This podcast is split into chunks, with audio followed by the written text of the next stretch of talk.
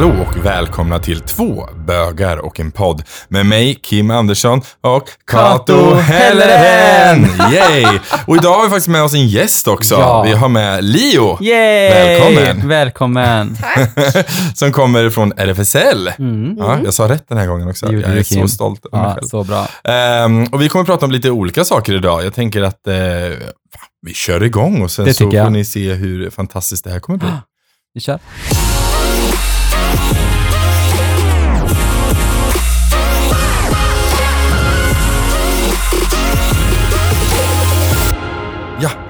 Kato, det är du som har koll på frågorna idag. Det Jag är så, Du, det är så. du får köra. Jag brukar alltid ha koll, eh, Kim. eh, men hej Leo, välkommen. Hej, tack så mycket. Känns det Kul. bra? Ja, det är Ja. jättekul. Skönt.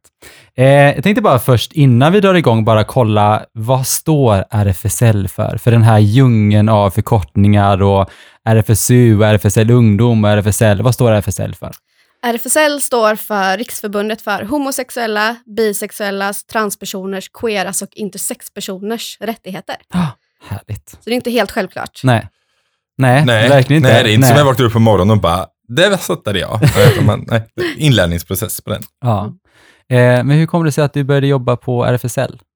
Jag eh, är socionom Mm. och gjorde min praktik på RFSL-förbundet i Stockholm, så jag Mm. jobbar nationellt då. Och där var jag på utbildningsverksamheten, men hjälpte också till att starta upp eh, någonting som var helt nytt då, som heter Newcomers, som är en verksamhet för hbtq-flyktingar och migranter. Just det. Mm. Och det var 2011 tror jag. Mm. Och sen så kom jag tillbaks till Göteborg och kände att vi behöver göra det här också. Mm. Hörde av mig till RFSL och så tog det ungefär två år innan de återkopplade. eh, och Det går då började vi, ja men precis, började vi sätta igång eh, Ja. och startade upp Newcomers Göteborg också. Det Så- känns lite så här Göteborgs stad. Så här, det tar lite tid. Liksom. Vi tar vår tid. Alltså f- faktiskt så var det en ganska bra tanke, för de ville inte att det skulle göras eh, volontärt, utan de Nej. ville att någon skulle ha betalt för Ja. att driva Ja, men, det. men det är vi bra. Så fick de dock inga pengar, så Nej. då startade vi ändå. Ja, bra. Men tanken var där och det är ändå det viktigaste. Ja. Precis. Ja. Och sen, sen 2014 så har jag varit anställd på RFSL Göteborg. Mm. Eh, först som projektledare för Newcomers och sen som kurator. Mm. Så idag jobbar jag som kurator och återigen som samordnare för Newcomers. Mm. Ah. Mm. Ah. Nice. Men du har jobbat länge ändå. Det är väl Mm. skönt. Vad, vad motiverar det liksom i eh, så här nu liksom? Oj, eh, oj vilken svår fråga. Eh, allt möjligt tror jag. Jag har alltid varit den här jobbiga jäkeln Mm. som alltid säger ifrån Mm. så fort det är någonting. Alltså sagt ifrån när folk har mobbats, Mm. har eh, sagt ifrån när jag ser slagsmål på stan. Mm. eh, och går emellan och sånt. Och, och då, just mänskliga rättigheter, det, är liksom, det tycker jag är så Mm. himla viktigt. Mm. Och eh, jag har alltid stått upp för både Mm. mig själv och andra. Så att jobba på en mänsklig rättighetsorganisation, det är ju liksom fantastiskt. Men jag hade ingen aning om att, jag, att det var det jag skulle göra. Nej. Gud vad, nej men så kul också så här, men jag var sån här jobbig jävel, jag tycker det är skitbra. Ja, jag men mer bara, sådana mer som du som verkligen säger ifrån. För jag, jag kan också vara, vi har pratat lite om det innan, att jag kan vara mycket så här som, som också som säger ifrån, till exempel när någon far illa, till exempel på stan och sånt. Eh, men jag är inte lika bra på att ta hand om mig själv och mina egna rättigheter och som skrika ifrån när någon beter sig illa mot mig. Då blir jag oftast bara så här tyst och förvånad. Hur kan man vara sån? Och då hoppas jag att, att när det händer mig, att någon som du eh, är, är, är i närheten som kan stå upp för mig. Så det är ganska skönt. Så, så fler sådana Helt klart. tycker jag. Mm. Jättebra. Jag säger typ aldrig ifrån för jag är en sån people pleaser, men jag håller på att kämpa på den biten. Ja. Eh, men Kim, vill du köra nästa fråga? Jajamensan. Fördomar, alla har vi dem. Och det var på så sätt som du kontaktade oss. Jajamensan. För att, Precis. inte för att vi kanske hade fördomar, men vi eh, misstolkar eller inte okunskap, ska man väl säga. Ja. Ehm, Och det tyckte jag var jättebra, för du, du kontaktade oss och sa liksom att ah, men jag tycker ni har en jättehärlig podd, men det här reagerade jag på. Och vad var det du liksom reagerade på? Ja, ja, men precis. Jag reagerade ju på hur ni definierade trans, Mm. Mm. eller transperson. Mm. Eh, och det, så som ni pratar om det är ju ett jättevanligt sätt att prata om Mm. det, men jag Mm. kände att eftersom ni pratar om det som att ni också kan, och jag tänker att det är Mm. många som lyssnar på er som inte heller har så himla bra koll, Nej. så är det rätt viktigt Mm. att det blir rätt. Ja, Verkligen. Precis. Så. Och då var det till exempel att, eh, att vi uttryckte oss kanske man i klänning till exempel, eller man i kjol eller sådär. Eh, och det är ju också så här att det är ju lite så som jag också är uppväxt. Alltså det är ju det här med begreppen som hela tiden ändras, vad som känns okej för eh, en att säga och höra. Så, så att, eh, men det är ju det. det. Allting handlar ju bara om att ta reda på rätt saker helt enkelt. Men vad är det rätta begreppet att säga? Vi brukar prata om transpersoner, som är ett paraplybegrepp Mm. som innefattar många olika definitioner på personer som inte identifierar sig med det kön som de blev tilldelade vid födseln. Just det. Och med tilldelad vid födseln så menar vi det kön som läkaren som hjälper till vid födseln antecknar om en Mm. baserat på ens eh, genitalier kan man säga. Just Ja. det. Så att om läkaren då skriver att det är en pojke, men man, den här pojken, vad man tror, växer upp och känner sig som en tjej, Ja. då säger vi att det är en transtjej eller transkvinna. Mm. Och samma sak då för en person som tilldelas könet tjej vid födseln, men känner sig som en kille, Mm. så säger vi att det är en transkille eller transman. Mm. Sen så kan det ju också finnas eh, hur många olika som helst definitioner egentligen inom det här. Men det är ju de två binära Mm. eh, definitionerna kan Mm. man säga, som många utgår ifrån. Mm. Sen finns det också icke-binära definitioner. Och icke-binär betyder en person som, ehm, som inte definierar sig med de två binära könen. Mm. Eh, som jag till exempel, som Mm. definierar mig någonstans som inte något av dem. Mm. Men det kan också vara en person som definierar sig som kanske lite grann, ja, tjej kan vi säga, och lite grann ingenting. Mm. Eller en person som definierar sig med båda två vid olika tillfällen eller alltid. Mm. Eller någon som bara skiter i kön helt Mm. enkelt och inte vill definiera sig Mm. med något av det. Mm. Eller något annat. Men, det där, det där ja. tyckte jag att, att just att eh, icke-binär för mig är så här, alltså, det är ett ord som är ganska svårt att begrepp, alltså så här, för, förstå, liksom, om man inte är insatt i det. Och därför tycker jag till exempel att gender fluid, som är det amerikanska eller engelska ordet för det, tycker jag är mycket mer, alltså lättare att förstå, för det förklarar mer vad det är. Liksom. Eh, för jag läste en artikel i förra veckan eh, om, en, om en person som heter Pim, som inte, eh, alltså som, som växte upp och inte kände sig eh, liksom att hen passade in någonstans och inte förstod heller varför känner jag som jag gör? Lite som det att växa upp och vara homosexuell. Eh, och då var det mycket det här med, med att eh, Pim eh, hade testat att vara kvinna och vara man och kände sig liksom inte att man hade ingen koppling till någon av dem. Eh, Ja, men precis. Det som jag tänker med genderfluid är att det låter ju som att det är någonting som flödar mm. åt olika håll. Mm. Och det är ju inte alltid det är så för alla. Nej, nej, precis. Så att vissa som är icke-binära, även här i Sverige, definierar sig ju som genderfluid, Mm. medan andra kanske inte alls känner att det passar Nej. dem. Mm. Och det är ju klart att det kan ju bli väldigt eh, förvirrande om man inte har koll på det. Mm. Men, men jag tänker att det viktigaste är att alltid lyssna på den som det handlar om. Ja, och för Pim till exempel, Mm. så var väl genderfluid det som kändes bäst Mm. för henne då. Mm. Mm. Jättebra. Jag, och jag så tänkte så här, vi pratade om eh, här, binära. Eh, då tänkte jag så här, det, det man föds med, man har ju hört då folk säga så här, ja men ditt biologiska kön, är det något man använder eller så här, det, det pratar man inte om, för du nämnde ju aldrig det nu, utan du nämnde det som att, ja men läkaren skriver ner, ja, eh, men folk har sagt, ja alltså det biologiska könet. Mm. Men det, man använder kanske inte biologiskt kön som ett ordval, liksom, eller är det, eller är det mer vad, det här är vad andra definierat mig som. Liksom. Ja, alltså jag brukar inte prata om biologiskt kön, Nej. eftersom biologiskt kön kan se ut på så många olika sätt. Mm. Utan jag brukar prata om kroppen. Mm. Eh, och då kan det ju vara så, alltså det är ju kroppen som läkaren som hjälper till vid födseln utgår ifrån när den sätter ett kön. Så Mm. därför så brukar jag prata om det på det sättet. Mm. För det är ju egentligen så att det är läkaren som på något sätt bestämmer där. Nu ska jag skriva ner att det här är en Mm. baserat på vad det här barnet har mellan benen. Och sen så är det det som ligger till underlag för vilket juridiskt kön man får. Ja. Vad som skrivs då i, i alla papper om en och vilket eh, personnummer man ska ha. För Mm. personnumret är ju också i Sverige baserat på Just det. kön. för kön. Ja. Precis. Och då blir det också, du någonstans hamnar man ju också i, baserat vad de väljer för kön, hamnar man också in i olika normer i livet. Det är ju hela den grejen. Ja, men då blir det kanske eh, babyblå eh, kläder till alla pojkar och knallrosa till alla flickor när man växer upp. För att den står att det är en flicka, men så kanske den här personen inte känner sig som det. Och då har ju den haft en hel uppväxt där den känt sig malplacerad och felplacerad. Mm. Mm. Ja, det är väldigt intressant. Känner igen det vi pratade om det lite med Barbie. Ja. fick man ju höra. Mm. Vad du ska inte göra det. Nej. Eh, vi ska prata lite om begrepp. Ja. Det är alltid bra och Mm. Men bara gå igenom och bara prata vad, vad betyder de? Eh, och då har vi första då, eh, transgender. Vad, vad betyder det? Transgender kan betyda väldigt mycket olika saker för olika personer. Mm. I, I Sverige så är det nästan bäst att fråga personen, vad lägger du in i transgender? Mm. För det kan, vara, det kan både handla om till exempel att vara en transperson men inte vilja ändra på sin kropp. Mm. Mm. Men det kan också vara att man har ändrat på sin kropp, men ja, alltså det kan vara allt möjligt. Mm. Och därför så kan inte jag exakt säga vad det betyder Nej. om man pratar om det i en engelsk kontext, eller liksom på engelska, så är det ungefär synonymt med det som vi säger transperson, Mm. Mm. eller trans. Mm. Bra. Eh, transsexuell. Transsexualism, som vi brukar säga, är en Mm. diagnos som man kan få. En väldigt binär diagnos som man kan få av transvården efter att man har gjort en utredning. Eh, den eh, diagnosen utgår då ifrån, för den är binär som jag sa, så den utgår ifrån att man då har ett kön och vill ändra till det andra eh, binära könet Mm. på något sätt. Mm. Korrigera sin kropp eller ta könsbekräftande hormoner eller liknande.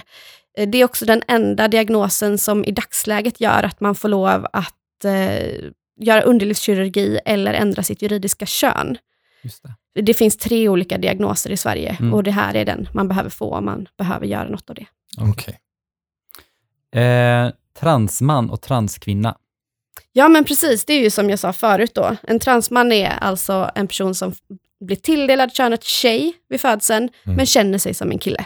Mm. Och transkvinna är en person som blir tilldelad könet kille, men känner sig som en tjej. Mm. Något som jag tänker är viktigt att lägga till där, det är att vi också har ett ord för personer som inte är trans. Mm. Eh, och det är ju cis. C-I-S. Så när, när jag är ute och föreläser eller sådär, då brukar jag prata också om cis-kvinnor och cis-män, för att det ska bli tydligt att även personer som följer normen kring kön, det, det, de gör det. Mm. Det är inte bara så att vissa bara är, utan de följer ju också normen. Ja. Och det finns också ord på det. Mm. Mm. Det finns eh, jättemycket. Man, alltså, jag lär mig så sjukt mycket hela tiden. Det är jätte, jätteroligt.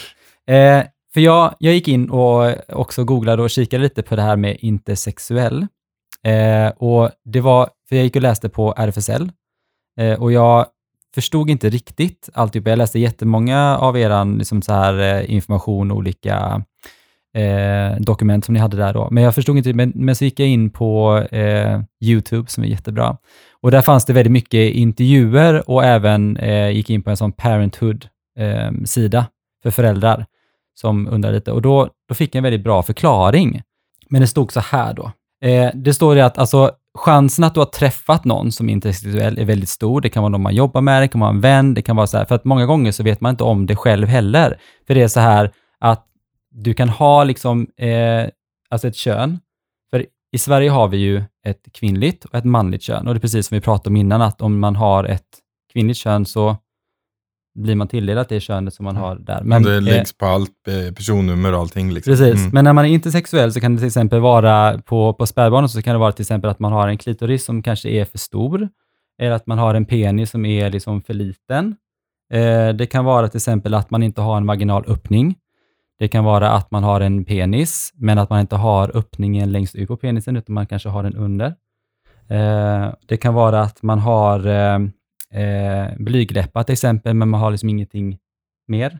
Mm. Så det finns olika, så kan man ha liksom pung och sånt också. Och det kan det vara det att när man väl föds intersexuell, så är det också det att läkaren har också just det här att, ja men det här är, att läkaren bestämmer liksom könet på personen om man föds kanske inte med två, men att man kanske har vagina och pung till exempel. Mm. Så kanske man drar av pungen för att det kanske är lätt, eller att man gör någonting där då. Och då blir det också i tonåren för de här personerna så blir det som att, okej, jag har en, alltså, en vagina, men jag känner mig som kille.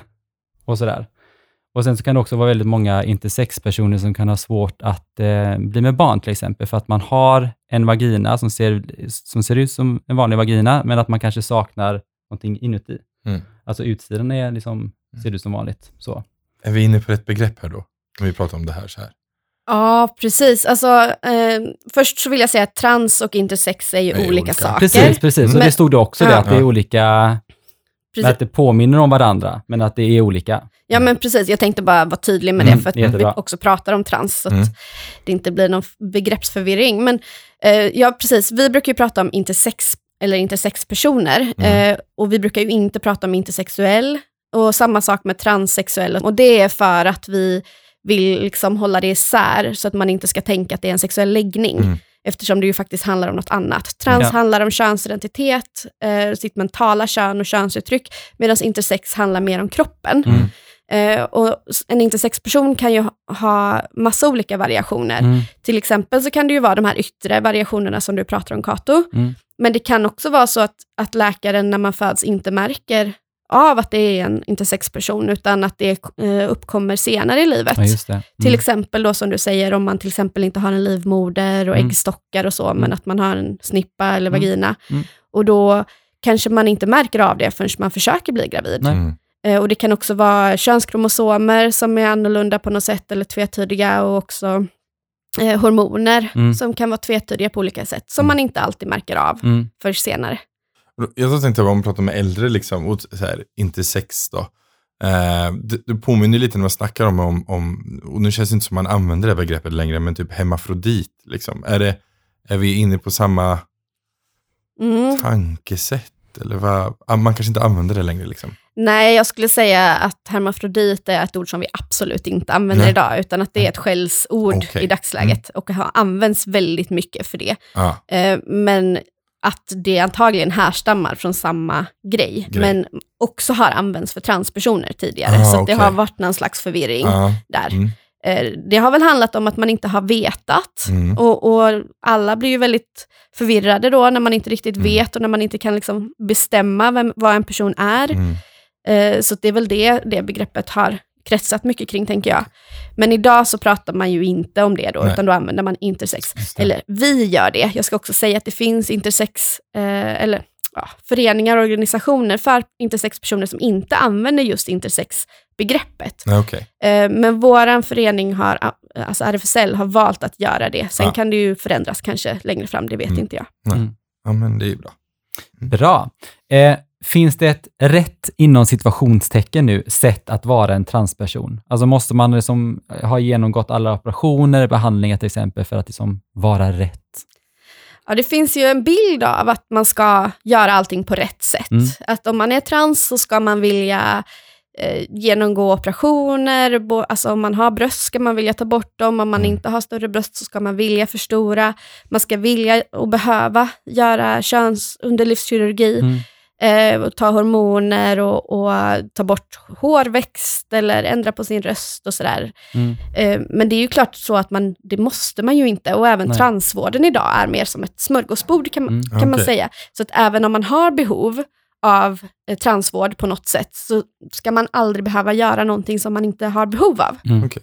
Och det, ja förlåt. Ja, förlåt. Nej, förlåt. Jag, jag bara tänkte, för jag har, har en, en vän som eh, eh, transkille som, eh, liksom diskuterade i början liksom så att ja men eh, som, eh, som en, en kvinna som ska göra sig till man och vill göra en könskorrigering då, så måste man som kvinna ta bort sin livmoder. Är det fortfarande så idag?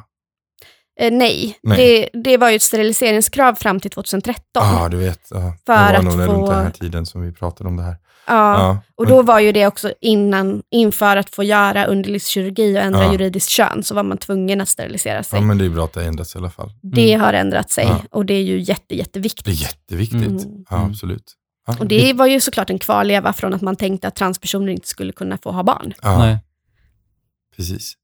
Ja, men bra. Det är bra att det nöjd att ändras. det är borta i alla Mm. fall. Det är bra att det är bättre. Ja. Men hur tycker du att transvården i Sverige är? Tycker du att den är bra? Ehm, både och. Jag tänker att vi skulle, det här är min personliga åsikt, men jag Mm. tänker att vi skulle kunna vinna ganska mycket av det här som man har i många andra länder, till exempel USA, Mm. informed consent, alltså att man har någon slags informerat samtycke, där, där patienten har en, eh, ett större inflytande på sin vård. Mm. Men så som vården är uppbyggd i Sverige idag så funkar kanske inte riktigt det. Nej. Sen så tänker jag att det är jättebra att vi har en så pass tillgänglig vård som vi har. Tyvärr så har de jättelånga köer inom transvården, Ja. flera år bara att få göra utredning och sen inför varje eh, olika, alltså alla olika grejer man behöver göra, så är det ytterligare köer. Så Mm. när du väl har fått en diagnos, och så kanske du ställs i kö till, eh, till hormonbehandling, eller hårborttagning, eller underlivskirurgi, eller så, här, så är det jättelånga köer igen. Mm. Och det är ju ett problem, för det är ju väldigt många som mår väldigt dåligt under tiden. Ja, och då är man också ganska alltså, äldre när man är väldigt klar sen och man känner kanske inte att man har kunnat leva sitt liv som den personen man är. Nej, men precis. Och också alltså det här att gå runt och må psykiskt dåligt, alltså Mm. det gör ju någonting med oss. Mm. Att inte få, få, få möjlighet Ja, till verkligen. att må bra mentalt. Och också vara i den, ehm, alltså den transformationen, det här att ni har påbörjat den här resan och sen tar den flera, flera år. Istället för man bara, man vill nästan bara få det gjort så att man kan börja leva där och då. Mm. Mm. Men så ska du gå i det här och du väntar på läkarbesöken och sen, jag kan tänka att också man får mycket frågor, alltså under den, under den perioden som en, en, en transperson, att så här, eh, när det är lite otydligt, så här, man kanske vill verkligen vara en kvinna men man är nog halvvägs liksom, och sen så får man hela tiden frågan, så här, "Ha, men är du en kille eller en tjej? Eller, och sen det här att vi hela tiden blir en påminnelse när det tar så lång tid. Mm. Det måste ju vara väldigt frustrerande. Liksom. Ja, och det, alltså det finns ju väldigt mycket transfobi i vårt samhälle. Och jag tänker också den här bilden av att, att när man någon gång blir klar, Mm. grejen är att det blir man kanske aldrig. Nej. Om man till exempel eh, genomgår en underlivskirurgi eh, och skapar en vagina, då är det någonting som man behöver underhålla hela livet. Ja. Så att det är lite en farlig bild på något sätt. Och Mm. den bilden eh, skapar ju också den här bilden av att man ska ha gjort allt. Mm. Att det finns en, en specifik väg att gå. Och jag tänker på det på den, med den här frågan kring vad är trans eller liksom hur ska man vara trans? Mm. Att det enda som man egentligen behöver för att vara trans är ju att känna att man inte identifierar sig eller känner sig Mm. som sitt tilldelade kön. Och man måste faktiskt inte genomgå transvård om man inte har ett behov av det. Och man måste inte ändra på sin kropp Nej. om man inte har ett behov av det. Många har det, men alla har inte det. Nej. Och för vissa så kanske det känns bättre att vara en kvinna med snopp, liksom. Mm. om man nu kallar det för snopp. Det är ju inte alla som gör Nej. det. Mm. Eh, för att man inte vill göra en underlivskirurgi och då ska det ju självklart vara helt okej. Ja. Det är ju lika okej som allt annat. Mm. Eh, vi kommer faktiskt in lite på det på nästa fråga och då är det så här, om man, och, om man inte vet hur man ska behan- eh, alltså bemöta en transperson eh, för att det kanske inte vet om det är en kvinna, en man eller hen, eh, vad är bästa sättet att göra rätt? Liksom?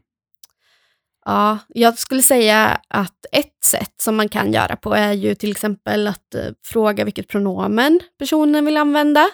Eh, för det som man oftast behöver veta är ju hur man ska prata om den personen. Mm. Man behöver ju sällan veta vad den har mellan benen eller liksom vilken könsidentitet den har, utan jag menar, det vi gör är ju att prata om personen i tredje, Mm. eh, vad heter det? tredje person, Mm. till exempel. Mm. Och ett sätt att göra det på utan att det blir för tydligt att jag vet inte vad du definierar det som, Nej. det är ju att presentera sig själv med pronomen. Mm. Som så här, ah, men, hej jag heter Leo, mitt pronomen är den. Mm. Och då får jag antagligen tillbaka Mm. samma grej, Mm. förhoppningsvis. Mm. Eller så kan jag fråga sen då, ah, men vilket pronomen vill du att jag använder? Mm. Det är ju ett sätt. Mm. Eh, ett ganska bra sätt, tänker jag. Ja. Sen kan det ju kännas för den andra ändå väldigt utpekande. Men det är där jag tänker att det blir bättre att man också liksom på något sätt använder sitt eget. Mm. Så att det inte bara blir att Mm. jag frågar dig detta nu. Ja. Och att man kanske ska tänka på att man har ju aldrig någon aning. Nej. Någon kan ju se asmacho ut, Mm. Mm. men inte definiera sig som kille. Nej. Mm. Alltså sådär, så Mm. att, eh, man vet ju aldrig. Precis. För det vet jag att jag hade några som satt i RFSL faktiskt i föreningen och sa att de började ofta sina möten med pronomrunder. Det är så här, och det tycker jag, eh, det tycker jag är en ganska bra grej. Om man på en arbetsplats, om man eh, kanske är nya människor runt ett bord, om man inte vet alla så kan man köra en pronomrunda. Den tycker jag ändå är en vettig sak. Då har man det överstökat och oftast när man sitter mycket i konferenser eller i sammanträden eller möten så pratar man ju mycket om typ eh, han gjorde så här eller hon gjorde så här eller hen gjorde så här eller och då är det ganska gött att ändå ha en liten koll på vad allas pronomen är. Liksom. Eh, och den tar liksom, en sån pronomrunda tar vadå? En minut. Alltså så här, det går så fort. Så jag tycker Precis. att det är värt att bara göra Mm. det. Just do it. Ja. Ja. Vi fortsätter prata lite om fördomar.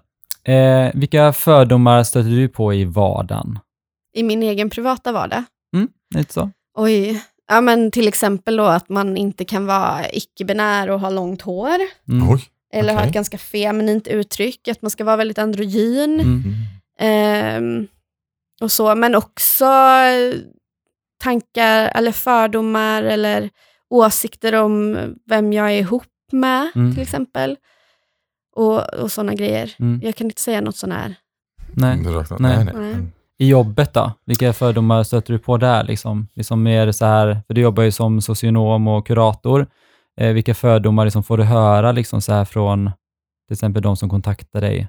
Och liksom, eh, Ja, men det kan vara ganska blandat. Men, men många som kontaktar mig som vill ha samtal själva kan ju Mm. ha mycket tankar kring så här, ja, men kan, kan jag verkligen vara? mm, Får jag vara så Mm. här? mm, Och det baserar sig också på fördomar mm, och tankar och normer, Mm. tänker jag. Mm. Och att jag träffar väldigt många till exempel som vill diskutera könsidentitet, Mm.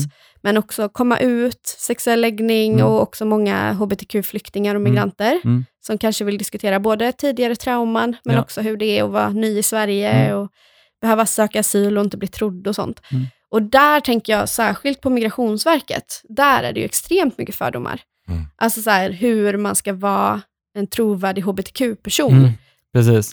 Och då baserar de det på någon slags västerländsk idé Mm. om att man ska vara stolt och, och sådär, men också att man ska, om man då kommer från ett land där man inte kan vara stolt, så Nej. ska man absolut inte vara stolt. Alltså Nej. inte kan vara i en västerländsk eh, tanke på något sätt.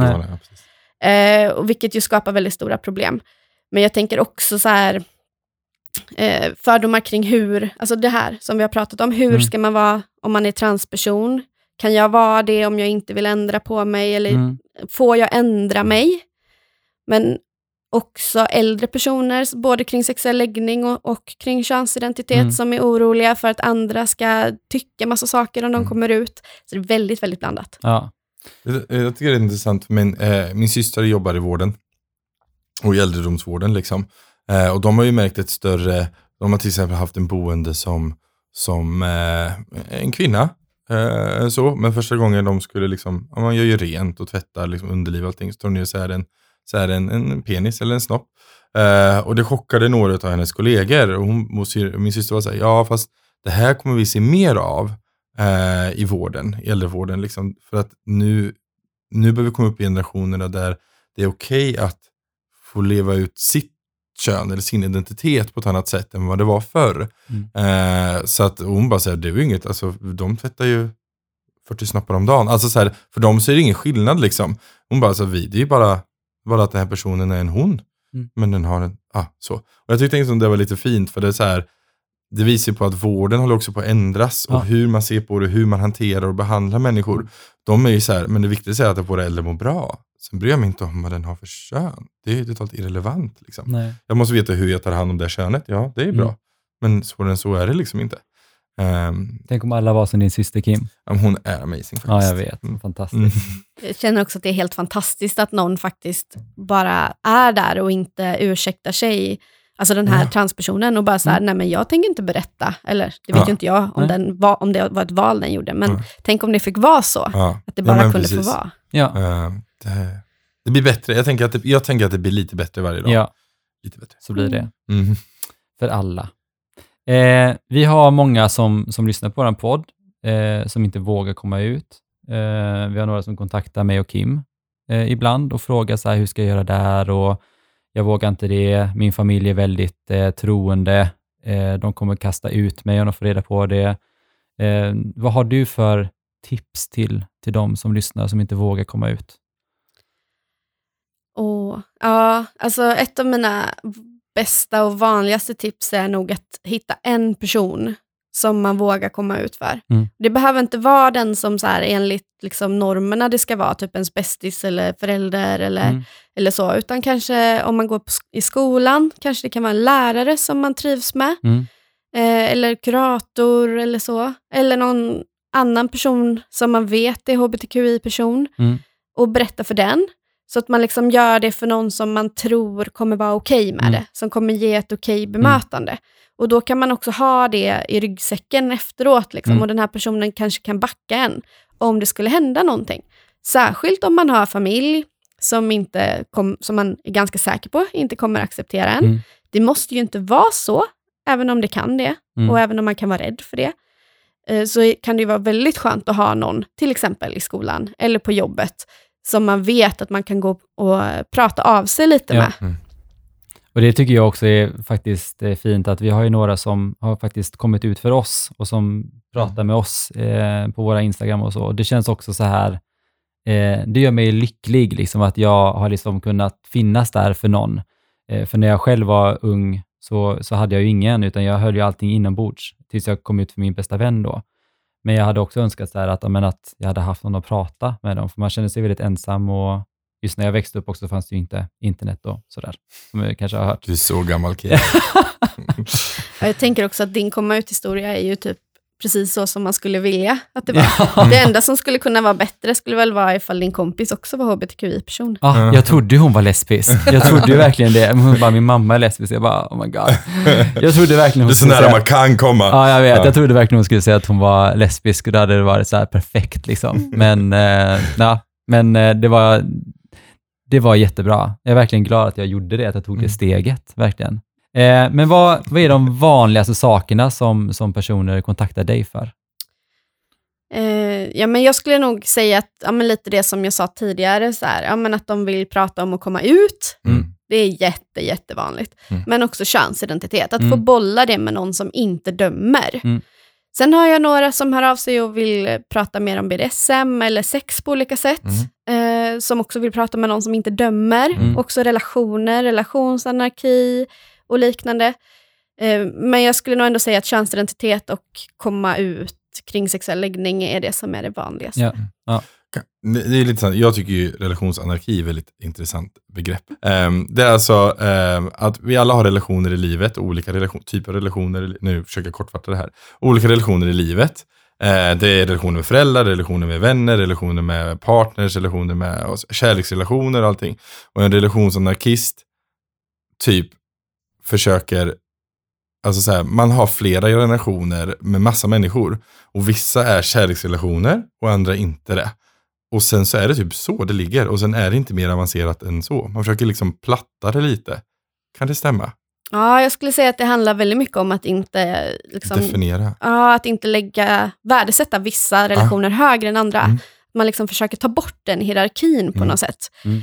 Eh, och Det behöver inte vara så att man har flera kärleksrelationer, Nej. men det kan vara det. Mm. Eh, men också att kärleksrelationerna inte eh, liksom väger mer än Mm. de andra relationerna. Så som det gör enligt våra normer, heteronormen. Mm. Mm. Att liksom det monogama relationen är det Mm. viktigaste av allt och det är liksom det vi ska Sträva efter. sträva Mm. efter. Ja, precis. Ja, jag tycker relationsanarki. Ja, det var spännande faktiskt. Ja, mm. Mm. det är jättemånga ämnen som när, när jag pratade mycket om det här eh, förr om relationsanarki så var det folk som tänkte, ja ah, men du är poly, polyamorös eller polygam. Man bara, nej det är inte riktigt samma sak. Ehm, för att då är det ju kärleksrelationer. Och, och relationsanarki är liksom alla relationer. Mm. Lite så. Men eh, vi går vidare nästa fråga. Eh, när vet man om man är gay, trans etc? Eh, när vi träffade, eller pratades vid så nämnde du någonting om dubbelbestraffning. Ber, berätta lite om det. Ja, men precis. Alltså, jag tänker att många har en bild av att andra ska veta på olika sätt vad Mm. de är för någonting. Och det här med dubbelbestraffning, då tänkte jag ju på det här att många som är unga får höra att nej men du är alldeles för ung för Mm. att veta Mm. hur du definierar dig. Om du är kille eller tjej eller Mm. icke-binär, eller om du är homo eller bi eller pan eller queer eller Mm. så. Och är man vuxen så får man höra att det är konstigt att du inte har sagt något tidigare. Mm. Eller inte vetat Ja. tidigare. Kan det verkligen vara så att du är det nu? Kom, hur, kan du, kom du på det nu? Liksom?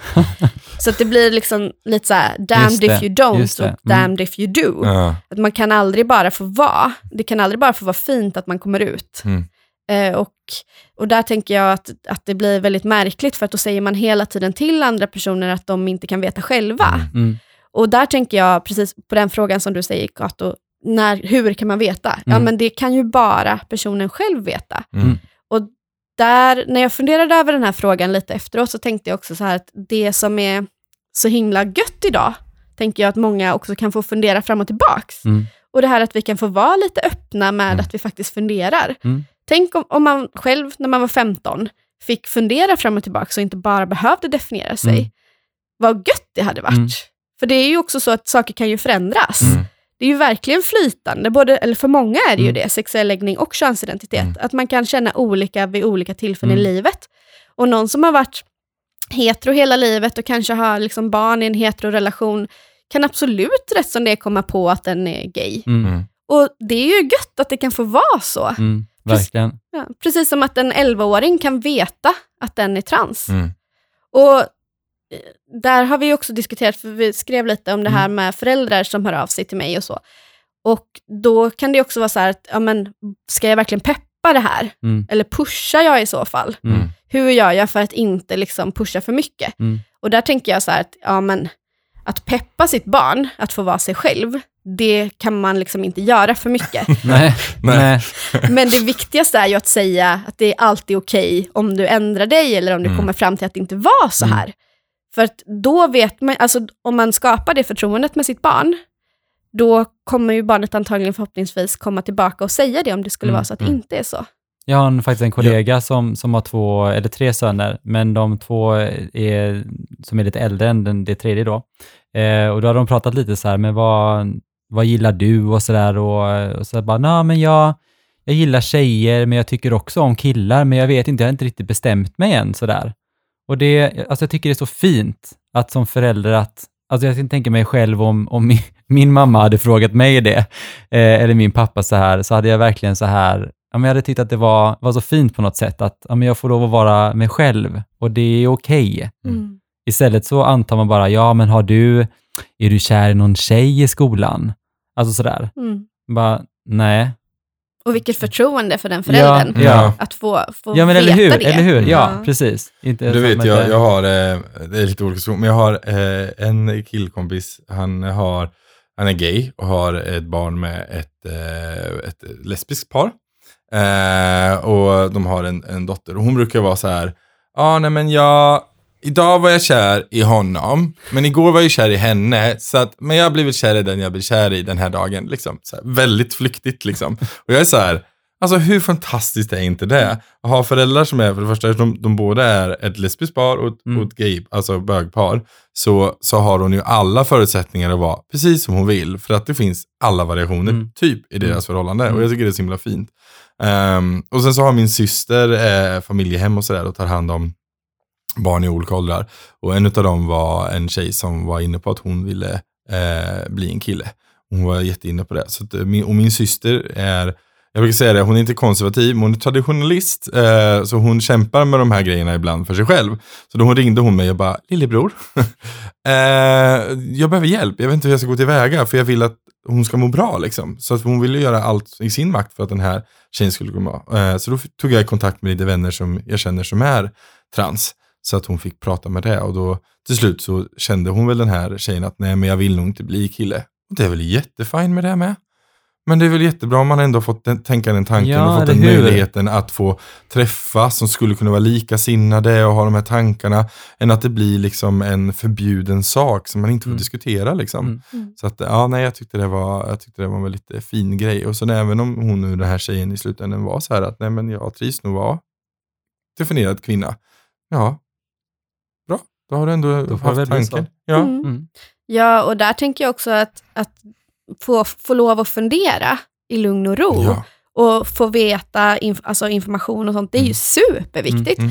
Och idag så finns ju en diskurs där man pratar om till exempel att eh, unga transpersoner får hjälp alldeles för tidigt och att man litar på dem alldeles för tidigt och tror på dem och jada, jada, jada. Ja, jag håller ju inte med om den såklart. nej. Men, men eh, det gör ju också att, att transvården har fått väldigt mycket skit. Mm. Men det som kan vara bra att, att tänka på är ju att transvården, först så gör man en utredning Mm. och där är det faktiskt tanken att man ska få fundera Mm. fram och tillbaka. Och den tar oftast Mm. ett år eller så i alla Mm. fall. Är man riktigt ung, alltså ett barn, då tar det ju många år innan Mm. man får göra någonting. Eh, så det är ju också information som jag tänker är bra att ha. Mm. Att om man till exempel behöver, eh, behöver hjälp från transvården, då kommer det inte gå fort. Och man har tid att fundera där. Mm. Så att om man har till exempel som din syster, kontakt med ett barn eller ungdom eller vuxen för den delen, som har de tankarna, så kan man ju faktiskt också hjälpa till med remisser och grejer. Mm. För att det är ju där de har kompetens att också fundera och ställa rätt Mm. frågor. Eh, och det är ju inte så att bara för att man kommer in i transvården så kommer man komma ut på andra sidan och liksom ha fått exakt allt, eller liksom här, vara en Mm. färdig Nej, person. För att, utan det, det handlar ju om att man faktiskt ska få hjälp att fundera först Mm. och främst. Mm. Och sen, när man har funderat, då kommer de sätta någon slags diagnos, antagligen. Eh, om man inte har valt att hoppa av under tiden. För det är Mm, ganska det. många som inser att nej, men det här var inte jag. Nej. Och då hoppar man av Ja. utredningen. Och sen när man väl har fått en diagnos, det är då som man kan få eh, behandling Mm. och liknande. Mm.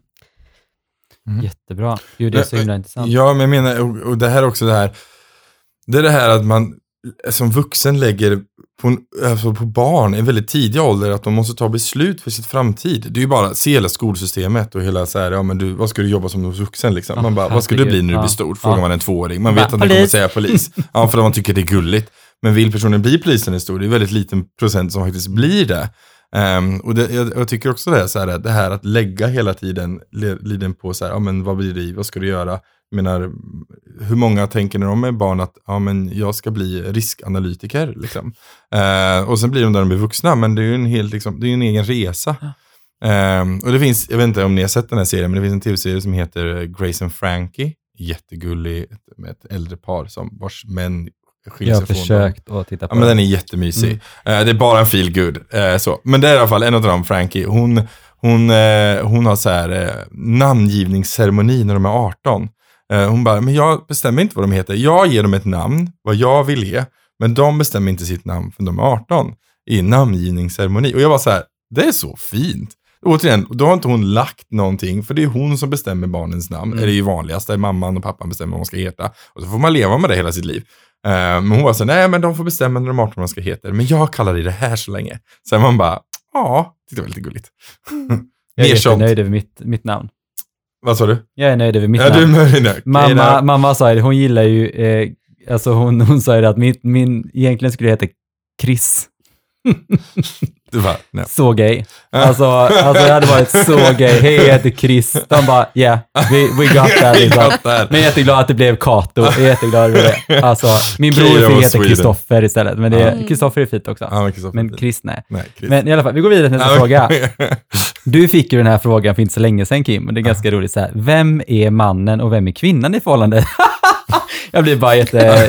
Det är så sjukt att att man vi får fortfarande höra de Ja. här frågorna och jag tänker så här, behöver det alltid vara en kvinnlig och en manlig i ett förhållande? Vad tycker du om det? Ja, vad tycker du? Jag tycker inte det. Nej. Nej, Nej, utan jag tänker att varje förhållande är olika. Ibland så är det så att alltså, är man i ett eh, homosexuellt, alltså två bögar som är ihop, så kan den ena vara jättefeminin och den andra vara eh, väldigt maskulin, om det är det man vill vara själv. Mm. Eh, till exempel när jag får den frågan så är det så här, nej men jag är tillsammans med Niklas, jag gillar att vara ihop med en manlig kille. Och Niklas gillar också att vara tillsammans med en manlig kille. Så vi är två män. Alltså Ja, alltså det är ju en förlegad eh, liksom fördom baserad Mm. på heteronormen. Mm. Mm. Att det på något sätt ska vara en kvinna och en man i en relation. Det är Mm. liksom det som höjs upp. Mm. Och då, om det då är två personer av samma kön, oavsett vilk, vilket kön, Mm. så ska det också vara en som är maskulin och en Mm. som är feminin. Mm. Hur ska det annars funka? Ja, precis. Ja, precis. Och det är också så här till exempel, när jag, för att jag älskar att städa, det pratade vi lite om eh, tidigare, och det är så här, jaha, men då är det du som är kvinnan i förhållandet. Så, bara, så du definierar att kvinnor Ska städa. ska städa? Och tycka om att städa. Ja, man bara, Oh my god. nej, alltså nej, det, man behöver inte alltid att det ska vara så. Men eh, ja, man får höra så mycket konstigt. Mm. Men, men när du fick höra, när du och Marcus, Ja, nej, alltså jag och Marcus har vi ju förhört också, det, hela den biten om vem som är man och vem som är kvinna. Men det, och jag brukar alltid svara på den frågan så här, ja, alltså jag är ihop med en man, för, alltså jag gillar män, så det är två män i vårt förhållande. Mm. Liksom. Eh, och sen så brukar vi så irritera, för just det här att, att man lägger på vissa sysslor på vissa kön, och jag, alltså jag kan bli så arg på det, för att, ja men gillar man att städa, betyder inte att man är kvinnlig. Och vad är det, ah, som du säger, så här, vad är definitionen av kvinnlig? Man blir, man, ah, jag blir bara så, jag blir bara, bara så arg. Jag bara, det är en människa. Mm. Den här människan gillar de här grejerna. Mm, och den här precis. människan gillar de här grejerna. ja, Punkt. Mm. Vi behöver inte... Nej, och jag tänker att många kan ju ha en viss typ som man blir attraherad av. Som du säger, Kato, Mm. till exempel om manliga män. Ja, Mm. men fine. Men många kanske snarare blir attraherade av hur en annan Mm. person gör kön, Mm. Oavsett hur den gör det. Mm. Och jag tänker att så här, också hur, vad vi blir attraherade av är så himla individuellt. Nej, eller hur? Och det kan ju vara så att, att man är en man som gillar manliga män och ens partner också gör det, och Mm. man är en manlig man. Ja, då är det ju så i den relationen. Ja, Men det säger ju ingenting om alla andra relationer man Nej. har haft egentligen. precis. Och det säger ju ingenting om andras relationer. Nej. Och jag tänker att det blir väldigt märkligt när man försöker liksom trycka in eh, samkönade relationer i, i någon slags heteromall. Sen finns ju heteromallen, för vi har ju normer Mm. att förhålla oss till hela tiden. Ja. Men, men det blir ju väldigt tråkigt. Ja. Och det ju, stämmer ju inte. För jag Nej. menar, det, den frågan skulle man ju kunna ställa till ett heteropar också. Ja. Om det bara är baserat på vem som till exempel gillar att städa, Mm. eller laga mat, Mm. eller mecka med bilen. Mm. Jag menar, de här normerna håller ju på att luckras upp, Mm. förhoppningsvis. Mm. Mm. Men det går inte så himla fort. Nej. Men jag menar, det är ju inte alltid som de normerna stämmer i heterorelationer Nej, heller. Nej. Och sen jag menar, det är ju många som inte ens, ja men vi tar det som pansexuella, det är ju inte ens könet, det är ju inte det viktiga, utan det är ju personligheten och människan bakom. Man kanske, man kanske går igång att personen är fantastisk på dammsuga. Det spelar ingen roll vad den har för kön. It's amazing. Mm. Ja. Jag menar, det. det, det, är liksom, det behöver inte vara, det behöver inte vara ett, ett fysiskt attribut överhuvudtaget. Det kan vara en, ett personlighetsdrag eller det kan vara en liksom så. Mm. Så jag tänker att sluta definiera på kön. Precis. Nu kör vi på människan istället. Mm. Du eh, har ju kontakt med väldigt många som kommer från andra länder. Mm. Eh, och eh, de har ju en annan syn på, eller de kan ha en annan syn på homosexualitet. Till exempel att du är bara bög om du blir påsatt. Hur, hur möter du det och vad brukar du svara på det? Liksom? Ja, men precis. Det är faktiskt en diskussion som har kommit upp ganska många gånger. Eh, för att många av de som jag möter har ju väldigt mycket trauman bakom sig. Mm. Eh, det behöver man ju inte ha för att man kommer från andra länder, men de Nej. som jag möter flyr ju på grund av att Mm. de inte kan vara eh, hbtqi-personer i Mm. sina tidigare länder. Mm. Eh, och då kan det vara så att de har blivit utsatta eh, för sexuella övergrepp till exempel, där de har blivit eh, Folk har liksom varit elaka mot dem Mm. för att de kanske har varit de som har blivit påsatta Mm. eller, eller liknande. Och så ser man då den här andra personen eh, som att det är en heterosexuell för att den sätter på. Mm. Och då kan man ju internalisera de här eh, bilderna, liksom de här normerna i sig själv. Och då brukar vi få liksom, prata om så här, ja men så som jag tänker på det, så som RFSL tänker på det, så handlar sexuell läggning snarare om vem vi blir kär i, vad, alltså vem, vilket kön vi attraheras av eller Mm. vilka, eh, och vem vi blir kåt på. Mm. Och inte så mycket alltid praktiken. Praktiken är en del i det, Mm. men att det snarare handlar om så här, ja, men, vilka känslor vi får för någon annan. Liksom. Mm. Och, och att, att vi får jobba lite kring det. Prata om så här, ja, men att oavsett om du är den som sätter på eller blir Mm. påsatt, så kan du vara bög. Eller bi, eller vad som helst. Ofta kommer de här bilderna också ifrån att man har någon slags eh, diskurs i sitt hemland kring att den som sätter på då gör det för att göra att den andra ska sluta vara bög. Det blir ju Okej. väldigt märkligt. Mm. Eh, det behöver inte alltid vara så, Nej. men det händer att, att man har den bilden. Och så när man kommer till mig så får vi liksom prata om det och luckra upp den bilden lite. Också för att man inte ska vara så elak mot sig själv. Mm. För att om man har vuxit upp med en bild av att, av att bögar till exempel då är eh, jätteäckliga Mm. och helt fel, Mm. Då är det klart att alla de här grejerna där man delar upp mellan straight och homosexuell, så de internaliserar man och man har kanske inte en så himla bra självbild. Nej. Så då får vi ju prata om att oavsett hur man vill ha sex, Mm. så kan man vara Mm. homosexuell till Mm. exempel. Eh, eller bi, eller så. Och också kring det här, alltså det finns ju en fördom kring att, alltså även här i Sverige, att är man en person som gillar att bli påsatt så är man alltid det. Man Mm. sätter aldrig på någon annan och liknande. Och då får, där kan vi ju också behöva prata mer om, tänker jag, i samhället, eller i vårt community, kring att så här, man kan faktiskt få välja det. Mm. Man kan vara versatile, man Mm. måste inte göra bara det ena. Nej. Men Eh, det är ju också, tänker jag också, det har ju också med, man kanske börjar sin, ja, inte karriär, men om man börjar experimentera. Man börjar sin karriär med att bli påsatt. Men man börjar sin karriär som blir påsatt. Ja, men om man börjar, om man börjar liksom sin, sin, sin resa, sin sexuella resa med att man kanske är den som blir påsatt, betyder inte det att man kommer bli det resten av livet. Det är ju så mycket annat. Du har ju rätt att ångra dig liksom. Du har rätt att vara såhär, men nu är jag trött på det här, nu vill jag Och det behöver inte heller betyda att bara för att man blir påsatt att man är kvinnan i förhållandet. Nej, det behöver definitivt inte det heller. Nej, utan, nej. nej. Utan, Utan, utan, nej. allt är ju, allt är ju ombytlig är väl ett ord man använder tror jag till och med i den Ja, svenska. Men varje förhållande är ju annorlunda. Ja. Alltså visst, vi har ju som sagt en norm, men det är också så här att mitt förhållande är ju annorlunda än ditt. Mm. Eller ditt, alltså det är så här, så är det ju. Jo, men det kan ju också vara så att ja, men oftast så gör vi så här, men Mm. ibland så tycker Mm. jag att det är gött att göra så här och Mm. det gillar min partner också. Mm. Alltså, och det är ju bara fint om det kan få vara så att båda kan få göra det de vill, Ja. oavsett Precis. vad det är. Ja. Precis. Eh, ja, vi tänkte vi går vidare Ja. till nästa fråga. Eh, om jag känner att jag är i fel kropp, Mm. hur får jag hjälp då? Ja, men då skulle jag säga att det allra bästa är att hitta någon som, man, som kan eh, frågor kring könsidentitet och trans och få prata med den. Det finns ju till exempel psykologer och terapeuter Mm. som, man kan, alltså som har det som en del av sin expert, Mm. expertis. Eh, och då kan man ju vända sig till RFSL på, Mm. i sin lokala avdelning för att kolla med dem om de har koll på vilka som är bra på det. Man kan ju också, om man är yngre, gå till ungdomsmottagningen och prata Mm. eh, med kurator där, eller skolkurator för den delen. Mm. Eh, och om man vill då så kan man ju också skicka en remiss till transvårdsteam. Och som jag sa så kan man ju faktiskt, eh, det är ju också ett ställe där man får lov att utforska Mm. och fundera tillsammans med personal som jobbar inom transvården. Och på många ställen i Sverige så kan man skicka en egen remiss. Mm.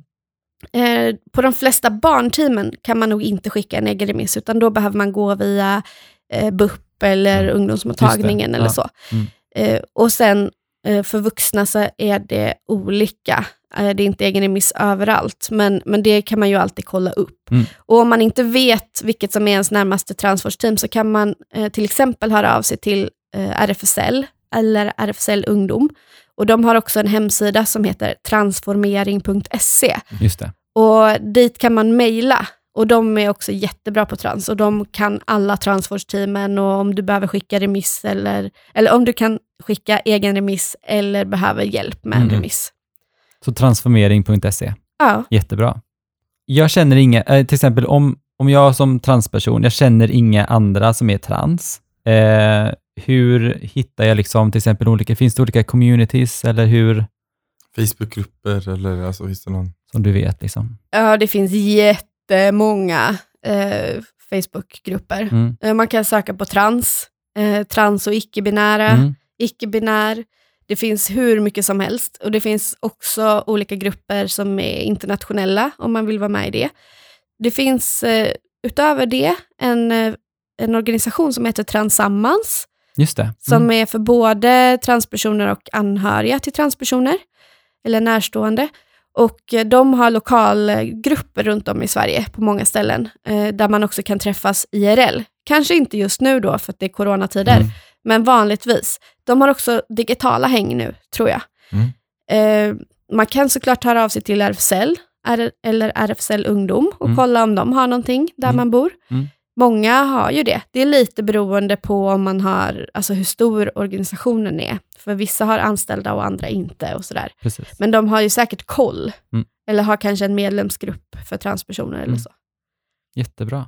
Sen så skulle jag också vilja tipsa om att så här, eh, följa transpersoner eller hbtqi-personer på Insta. Mm. Bara för att liksom få in det och normalisera det Mm. för sig själv. För det är Mm. inte alltid som Mm. det är så himla normaliserat för en själv heller.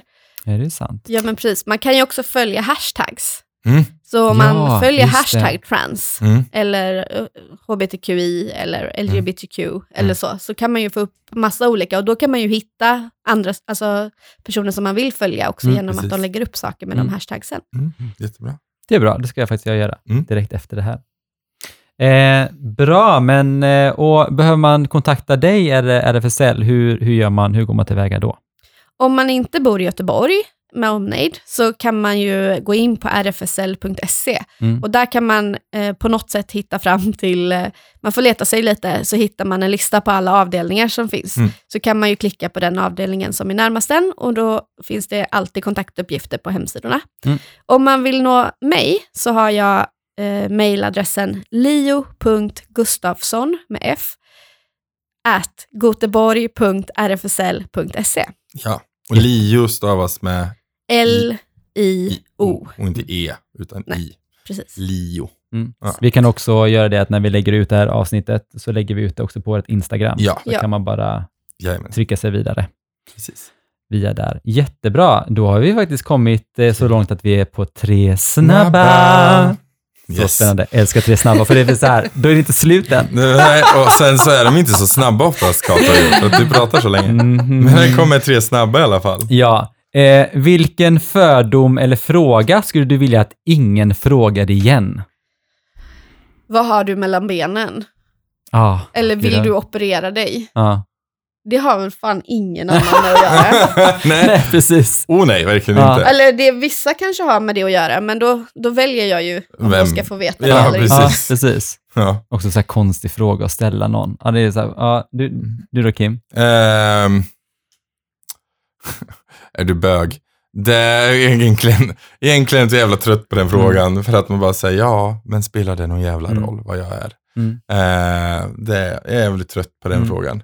Och sen också typ så här, och direkt när man säger ja, jo, då helt plötsligt får man ta friheter liksom. Börja ställa en massa andra privata vet. frågor. Ja. Man bara, alltså det ingår inte i min, i min sexualitet att, att du får ställa privata frågor. Alltså jag är inte en, ingen billboard liksom. Nej. Ja, nej. Jag skulle nog ta bort den här frågan, eh, vem sätter på vem? Jag Ja. tycker det är så här, alltså mitt sexliv är mitt sexliv och det är så här, du har ingenting med det att göra, bara för att du ska få pla- placera mig in i en box. Ah, ja, ja. Eh, du är mannen eller du är kvinnan Mm. och du är så, här, så att man ska vara så här figured out. Well, Mm. I know guys som har eh, kvinnor i sitt liv som använder strap-on. Så, Ja, ja, gud, det Mm. vet jag, känner jag också till. ja. Eller känner jag också till. ja, det är nog ganska vanligt. ja, men jag menar det. Ja. Hallå, kom igen. Eh, andra frågan då. Ja. Vad gör dig lycklig, Leo? Ja, eh, när jag märker att, person, att, att det jag gör påverkar Mm. på ett positivt sätt. Mm. Som förra veckan så hade vi ett, eh, en sommarverksamhet för personer, hbtqi-personer mellan 15 och 25 Mm. som också har funktionsnedsättning eller eh, norm, normbrytande funktionsvariationer. Mm. Och då var det en person som nästan inte hade pratat på hela dagen och när han skulle gå så kom han fram och kramade mig. Och det gjorde mig verkligen lycklig ända in i själen. Mm. Bara att vi faktiskt kunde göra det så tryggt för den Mm. personen. Mm. Eh, Sådana saker som kan vara i, på det stora hela ganska små, men Ja. som är så gigantiska. Ja. Jättebra. Du? Eh, alltså, det var ju jättefint det du sa. Jag, jag är lite mer så här, eh, alltså jag... Nya Louis Vuitton. nej, nej, men, nej, men jag, alltså, alltså lycka för mig är alltså bara att, eh, men precis som du också sa, att finna till för andra människor som verkar, alltså känna sig behövd. Mm. Det kan vara till exempel i ett förhållande att, att man bara känner att man, att man finns där och stöttar någon genom en tuff period. Eh, eller att det kan vara en total främling som är så här, men tack för en fantastisk podd. Den, den, den får mig att ta mig igenom den här tråkiga perioden eller att eh, liksom känna igen mig liksom så. Och det, det är lycka, när man, när man känner att man är behövd.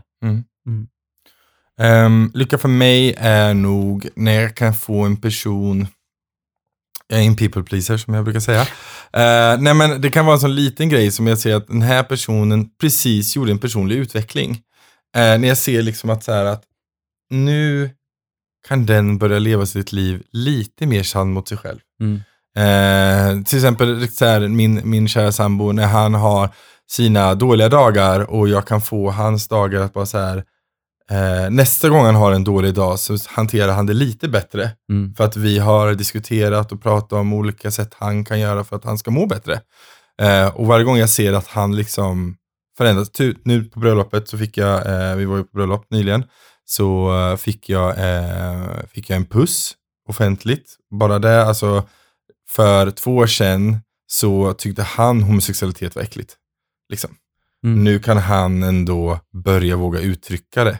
Mm. Och varje gång någonting sånt händer, varje gång han vågar uttrycka sig själv lite, så blir jag så här, ah, då blir jag lite lyckligare Du fick också en Instagram-bild såg jag också. Ja, puss på. Jajamensan, det är inte ofta ja, man det ser det. fram. Nej, men lite sakta men säkert. Och så blir jag med alla människor, alltså alla runt mig som jag eh, håller kära och nära. Mm. Varje gång jag kan se att de gör en liten personlig utveckling så blir jag så här, mm, jag var Mm. ändå med Ja, Mm. på ett litet hörn. det är bra. Men om jag ska säga något som inte är så pretto så kan jag ju säga, alltså så här, god middag kan ju också göra mig jättelycklig. Ja. Liksom. Ja, ja. Gud, Bara ja. hänga med, bara hänga med Ett par Niklas nya Louis. Vuitton-skor för Kato Mm. och så är jag jättelycklig. Då, ja, jag blir lite lycklig då också. Så, Ja, ja det, det, det är sant. Jag ska inte, jag ska inte sticka det under stolen med det. Eh, men om ni inte jobbar med det som ni jobbar med idag, eh, nu är du arbetslös Kim, men du har ju faktiskt jobbat, du har ju faktiskt jobbat som, som, one, som you. grafisk designer. Eh, men vad skulle ni göra istället? Leo. Jaha, ska jag svara först? Mm. Eh, åh, så svår fråga. Alltså, jag eh, har ju, från början så tänkte jag att jag skulle vilja jobba som kurator på ungdomsmottagningen. Mm. Och jag har nog kommit till, tillbaks det, t- dit lite, att jag skulle Ja. vilja göra det någon gång. Eh, men jag skulle också tycka att det var kul att jobba med något mer kreativt. Mm. Alltså, för att jobba med människor är ju fantastiskt, Mm. men det är också lite jobbigt ibland. Mm. Mm. Förstår det. Eh, ja, alltså jag, jag har haft en väldigt tuff uppväxt, så jag hade faktiskt velat just det här som du är, socionom och faktiskt kunna, och det, det är väldigt mycket det också att många som väljer att bli socionomer är ju ofta att man har haft mycket i bagaget, eh, att man känner att men det här med att man vill hjälpa. Eh, sen är det som du säger att det är extremt tufft, för man får ju verkligen eh, möta människor i sitt mörkaste, alltså mörker någonstans. Men det hade jag nog eh, velat göra, hjälpa andra Mm. att få en bra, trygg uppväxt. Fint. Mm. Jag vet ju knappt vad jag vill nu. Eh, det är mitt vanliga problem. Jag, vet jobbar- vad du hade, du hade velat vara en allt-i-allo. Ah. All- Jag är ju redan alltid allo, det är det som är problemet. Eh, nej men jag, jag, jag älskar mycket av det jag gör, eh, men jag gör så mycket. Jag kanske skulle göra någonting, men jag vet inte om jag skulle nöja mig med det, med en sak. Men, alltså jag älskar också människor, och jag jobbar liksom ingenting som riktigt, jag jobbar inte riktigt med människor i mina yrkesval. Jag, alltså jag står på scen, Mm, men då har jag en publik. mm, Ehm, jag skulle nog kanske vilja vara en inspirationsföreläsare typ. Alltså kunna stå och påverka människor. Alltså i skådespeleriet så påverkar jag människor, men då är det mer emotionellt. Jag kanske inte får folk att göra handlingar liksom. Ehm, och så är vi så här politiker, ja, absolut, då kanske man kan få folk att göra handlingar med sig hur man pratar och hur man är. Ehm, men jag är inte så intresserad av det. Ehm, så jag skulle nog kanske vilja vara typ ja, inspirationsföreläsare, alltså sån som reser runt och bara så här får folk att runt omkring, nu är jag en people pleaser igen, får runt, folk Mm. runt omkring mig att må, nej, men må bra och känna så här att jag gick på den föreläsningen med Kim och han sa så mycket vettiga grejer liksom. Det, det hade jag nog velat göra. Jag har, en sån, eh, jag har några vänner som har ett sånt här lite, du vet när man är på toa hos dem, så har de en sån liten, en liten text på väggen som står så här, Everybody wants to change the world, but nobody wants to change the eh, toilet roll. Yes. yes. Mm. Du skulle ju kunna ha drag-workshops tänkte jag på. Ja, ja. mm, absolut. Jag hade i alla fall kunnat vara peppande. Ja. Nej, jag, jag, jag, jag, men det är också jag är självkritisk. Men eh, ja, det hade varit kul Mm. att kunna få eh, påverka människor Mm. på det sättet. Eh, det hade varit kul. Det hade varit kul. Jag vet inte, jag ser på en serie som heter Pose. Jag vet inte, ser du den? Ja. Nej, ja. Eh, och där så har de ju houses, House of Mm. Abundance, House of Evangelista. Jag, så här, jag vill ha ett eget house med massa människor Oh jag kan få ta det hand om och sen går vi ut på baldances. Och, ah, det skulle jag vilja ha. Det är klart att du vill, Kim. Ja, det är klart det. Det är så amazing. Ja. Men Så. det var det, det var de Ja, tre snabba. ja, och det precis. var allt för den här, eh, för den här eh, intervjun och Mm. gästandet. Ja. Eh, tack så jättemycket för att Ja, du vill komma tack hit. snälla. Gud, det har varit så intressant. Ja, du är men- fantastisk. Ja. Tack. Tack för att jag fick komma. Ni Ja. är också fantastiska. Yay! Det var det vi ville höra. Ja. Eh, nej, men i alla fall, nej, men tack så jättemycket. Ja. Och ni som lyssnar, ehm, om du har någon fråga så tveka inte höra av dig. Jag heter kim.r.andersson på Instagram. Yes, och jag heter Kato Helleren, så Yay, det är bara att höra av sig. Kanske du också kan gästa oss. Jajamän. Vem vet? Vem Jajamän. Mm. Eh, tack så mycket, all kärlek till er, vi älskar er. Hej då. Hej då! Hej!